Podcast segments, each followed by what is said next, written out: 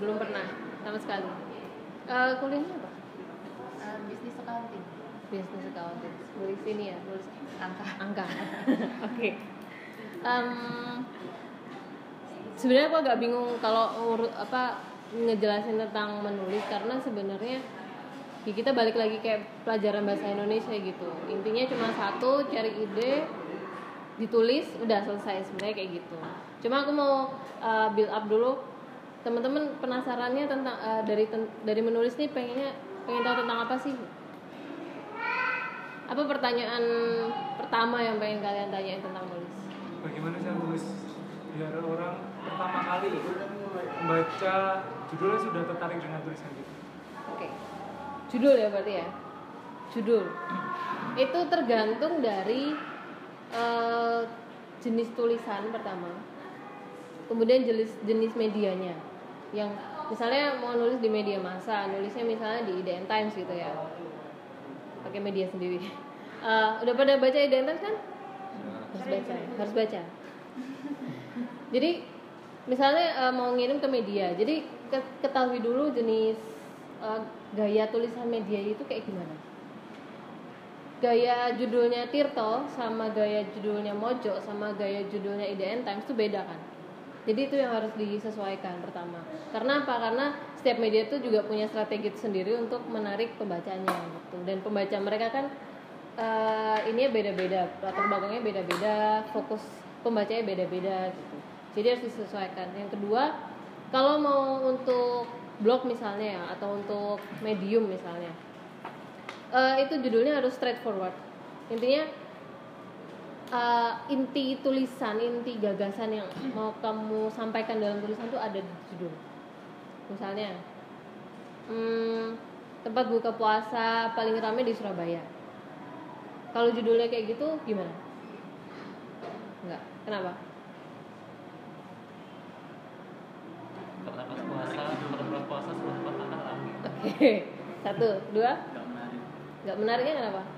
Cuman kayak gitu aja gitu. Monoton. Kayak Nggak monoton kan? Berarti di situ harus dikasih eh, kata emosi atau lebih bagus lagi kalau lebih spesifik. Misalnya eh, tempat makan paling disukai sama selebgram di Surabaya daerah utara misalnya kayak gitu. Itu kalau lebih spesifik dia akan lebih menarik sih sebenarnya.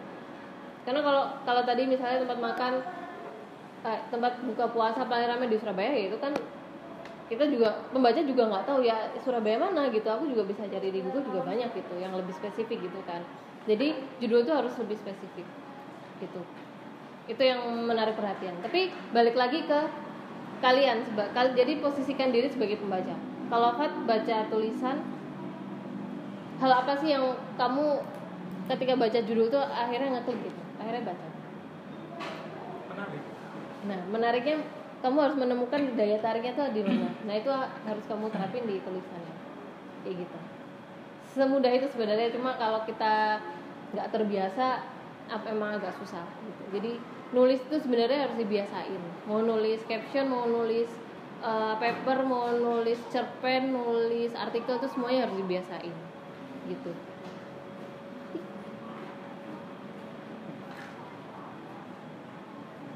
Nah, aku mau nanya ini dulu. Udah update story apa hari ini? belum Belum. Enggak. Luar biasa. Tapi biasanya ngupdate ngupdate nggak pada ngupdate nggak? Jarang. Kalau cowok biasanya jarang. Kalau yang cewek update update. Biasanya ngupdate apa? kalau kita lagi di mana Oke. Kenapa kamu ngupdate itu? Pamer Satu pamer. Yang terselubung pasti pamer nomor satu tapi itu. Kedua, kira-kira apa sih yang bikin kalian akhirnya update story gitu? karena tempat itu kan menarik tuh jadi Hmm. aku pengen share ke teman-teman di Instagram aja sih Nah itu share story kan, share cerita dari tempat yang kamu kunjungi, dari kejadian yang yang kamu alami di hari itu ya kan. alih-alih buat pamer sebenarnya ada ada tujuan mulia yang lain gitu. Iya ya. tapi emang tujuan utamanya pamer sebenarnya. Dan pamer yang baik. iya pamer yang baik gitu. Karena punya tujuan. Karena punya tujuan iya.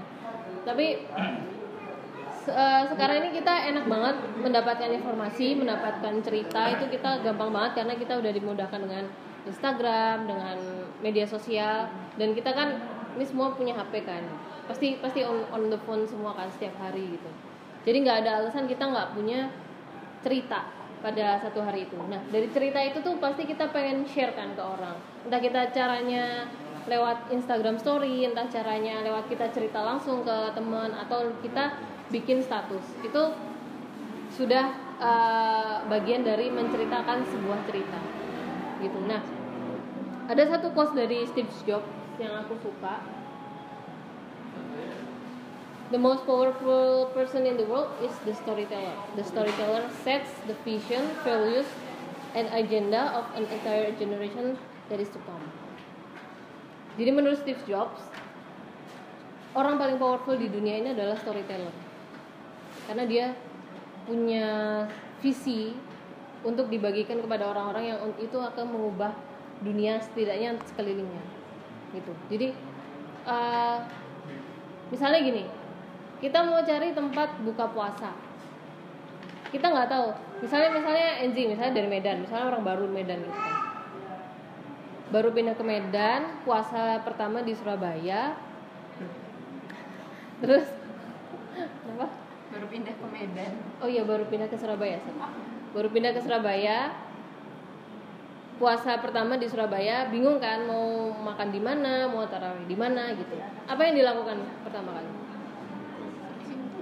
Searching Google. Itu kan makanya kenapa kita perlu untuk share story seperti yang dilakukan Diana dan teman-teman lainnya gitu. Kita harus ngasih tahu ke orang-orang di sini loh ada tempat makan enak di sini loh ada tempat terawih yang cepat misalnya 23 rakaat tapi cuma 15 menit. Apa itu? Gitu jadi makanya eh, kutipannya Steve Jobs ini sangat relate dengan kehidupan kita sekarang. Nggak nggak us- selain searching Google misalnya kita nanya temen langsung gitu ya eh tempat buka yang enak di mana sih? Di sekitar sini gitu. Atau lihat di Instagram nggak nggak sengaja lihat di story orang oh di sini kayaknya seru nih gitu kan. Jadi itu kekuatan dari storytelling. Makanya kita sebenarnya semalas apa pun kita update di Instagram sebenarnya perlu juga kita untuk ngasih tahu ke orang-orang bahwa di sini ada sebuah tempat yang menyenangkan. Itu ya nggak sih? Ya ya aja ya. Oke. Nah kita langsung masuk ke rules menulis. Ini kelihatan nggak sih? kelihatan. Sebenarnya se ya nulis ya gitu aja tadi kayak aku bilang punya ide pertama dari ide ditulis dipublish. Udah kayak gitu. Cuma mungkin yang paling susah adalah yang pertama pasti ide ya kan? Nyari ide tuh gimana sih gitu.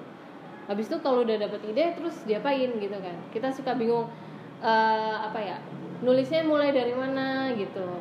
Nulisnya biar enak alurnya tuh kayak gimana gitu kan? Terus kita pasti mikirnya juga ini bakal rame nggak ya? Bakal dibaca sama orang nggak ya tapi aku pesen ke kalian semua kalau karena belum pernah nulis artikel ya. Tapi setidaknya pernah nulis caption Instagram kan? Iya. pernah. Bisa captionnya apa biasanya? No caption. no caption. Benar. Caption, tapi ada caption. tapi ada captionnya itu caption. No caption adalah caption. Nah eh, jadi dari ide pertama dari ide dulu ya. Ini eh, rangkaian sebenarnya seperti ini. Dari ide kita bikin outline kita tunjukin problemnya apa. Terus dalam penulisannya itu kita harus menggunakan kalimat-kalimat yang menyentuh yang coherence itu apa ya? Berkaitan satu sama lain antara satu paragraf dengan paragraf lain satu kalimat dengan kalimat lain. Kayak enjahit gitu kayak enjahit terus yang terakhir adalah storynya story aku taruh terakhir karena sebenarnya eh, ini bukan yang apa ini urutannya bukan yang paling utama tapi yang dari yang paling penting sampai yang paling kuat nah story ini adalah satu hal yang akan menguatkan tulisan kalian atau caption Instagram kalian gitu. Nah, pertama dari ide. Aku beberapa kali nggak deh, sering banget dapat dapat pertanyaan, "Kak, gimana sih dapetin ide gitu?" Iya kan? Sama kayak gimana tadi cara bikin judul. Tapi at least kalau bikin judul kan berarti kita udah dapet ide dong, gitu. Nggak ada judul kalau belum ada ide. Jadi pertama dari ide dulu. Tapi ide itu sebenarnya ada di mana aja gitu loh. Bisa kalau aku merangkum itu ada dari tiga cara. Curiosity, events, viral things. Curiosity itu berdasarkan eh, rasa penasaran kita terhadap sesuatu. Intinya paling gampang tuh kalau kita galau dengan sesuatu. Terakhir galau tentang apa? Galau dia. Apa? Pas ya. Pas. Kalau masalah kerjaan. Oke. Oh, dulu. Apa apa nih? Apa nih? Hah? Kenapa kerjaannya? Hmm, tambah banyak sih. Tambah banyak. Oke. Itu kan dari galau tentang pekerjaan yang tambah banyak tapi gaji nggak naik-naik gitu kan. Klasik. Iya, klasik. Tapi kamu bisa mengemas itu jadi sesuatu yang luar biasa juga. Itu bisa jadi ide. Itu bisa jadi ide tulisan. Misalnya, kerjanya apa? ngerjain ada orang Aku. Hmm, Bukan mas yang depan. kalau- sama sih jurnalis juga. Jurnalis. Oh, oke. Ya jurnalis. Model. Model Blackpink ya. Misalnya, semuanya. oke, con- contohnya jurnalis ya, jur- tapi jurnalis itu emang kerjaannya nggak berhenti berhenti sih. Iya kan? Iya nggak? betul. Eh, ini bisa kamu tarik dari misalnya eh ada yang punya ide nggak? Susah emang cari ide.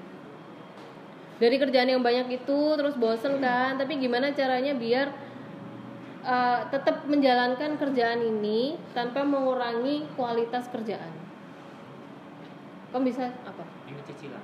Ingat cicilan. Tuh, satu, ingat cicilan. Berarti ini bisa Motivasi. tuh dari idenya ini kan udah di breakdown jadi satu jadi satu hal nih. Kerjaan banyak, numpuk, bikin stres. Tapi akhirnya tapi akhirnya kepikiran cicilan. Berarti ini bisa ditarik jadi satu ide besar cara biar kamu tetap semangat kerja meskipun numpuknya bejibun gitu. Itu bukan judul ya, itu hanya topik ya. Judulnya bisa diganti terserah. gitu. Itu bisa ditarik gitu. Jadi eh, mungkin bagi sebagian besar orang itu nggak menarik artikelnya. Tapi kalau pada orang-orang yang sefrekuensi yang satu punya satu kejadian yang sama gitu. Misalnya Kadita misalnya juga merasakan hal yang sama gitu kan. Itu pasti akan dibaca. Jadi apa yang membuat pembaca membaca artikelmu itu sebenarnya yang pertama kali itu dari eh, kedekatan dia dengan topik yang ditulis. Misalnya Husni suka Blackpink ada artikel Super Junior. Jelas dia dia nggak akan nulis eh nggak akan baca artikel Super Junior gitu. Karena nggak ada ketertarikan gitu. Dan apa sih Super Junior gitu? Akan pasti akan, ada akan ada kesan seperti itu gitu. Jadi merasa tidak perlu untuk membaca artikel yang tidak sesuai dengan minatnya atau tidak sesuai dengan kebutuhannya. Gitu. Eh, itu dari ide ya dari curiosity dari pertama dari kegalauan. Yang kedua dari rasa ingin tahu rasa ingin tahu tuh ya tadi kayak contohnya yang aku contohin Enzi pengen tahu tempat buka puasa di Surabaya gitu. Itu kan dari rasa ingin tahu kan. Kemudian cari-cari cari-cari informasi bisa dibikin jadi satu artikel. Gitu. Terus yang kedua adalah events events peristiwa. Peristiwa yang sedang terjadi di situ di tempat kamu berada atau ada sebuah acara besar peristiwa tuh bisa peristiwa alam peristiwa yang sedih-sedih gitu yang kecelakaan peristiwa alam. Tapi bisa juga yang heboh-heboh kayak acara event. Misalnya ada Car Free Day ada sesuatu event besar gitu itu bisa jadi bahan tulisan juga. Terus yang ketiga viral. Sesuatu yang viral itu biasanya pasti ditulis sama media. Sama jurnalis. Itu terja- itu terjadi di mana-mana gitu. Misalnya yang terakhir viral apa ya terakhir viral apa? Ya itu salah salah seperti itu ya? Iya itu itu itu ada ada artikelnya juga per, apa? Kalau nggak salah aku pernah baca salat terawih 8 rok 8 rakaat yang ada di daerah Jogja kalau nggak salah. Ada. Tapi dia kaitkan dengan video viral yang sholatnya cepet itu gitu. Atau misalnya dari video cepet video terawih cepet itu kan 23 rakaat kalau nggak salah ya bisa dibikin artikel eh, tata cara sholat terawih 23 rakaat yang benar. Itu rame pasti dibaca walaupun kita bisa baca di banyak tempat tapi at least kita bikin dengan kalimat versi sendiri de- dengan mengur- tidak mengurangi makna yang ada itu pasti akan menarik. Gitu. Jadi dari sesuatu yang viral tuh bisa banget kita kita bikin tulisan. Dan itu dilakukan sama semua media massa. Gitu nah itu dari ide. Nah untuk mendapatkan ide eh, eh, syarat ide yang bagus tuh ada beberapa hal. Sebenarnya cuma cuma tiga hal ini. Itu harus original idenya. Maksudnya asli unik and mainstream. Yang kedua spesifik. Jadi semakin spesifik idenya semakin spesifik eh, pembahasannya itu akan semakin menarik. Dan yang ketiga kamu ngerti nggak yang mau ide yang kamu dapetin tuh yang mau kamu tulis tuh kamu ngerti nggak? Kamu paham nggak gitu? Kalau Gusti lagi. Suka Blackpink. Mau nulis Super Junior nggak bisa. Karena kita anggap anggap anggapnya gitu ya. Misalnya sukanya su- sukanya Blackpink gitu. Disuruh nulis Super Junior. Bukan disuruh pengen pengen nulis Super Junior tapi nggak paham gitu. Nanti kalau salah nulis bisa di diserbu diserang sama fans Super Junior gitu. Jadi mending nggak usah. Contoh gampangnya itu kenapa kita sebaiknya nggak menulis hal yang nggak kita ngerti? Karena kita akan salah persepsi pertama yang kedua kan di luar sana tuh pembaca tuh ada yang lebih banyak lebih tahu dari kita gitu. Jadi kita sebagai penulis juga jangan merasa paling hore sendiri paling oke sendiri. Ini tulisanku gagasanku yang paling benar tuh enggak karena di luar sana banyak orang yang lebih capable dari dengan topik yang kita tulis gitu. kita harus sadar dengan itu makanya harus paham dengan topiknya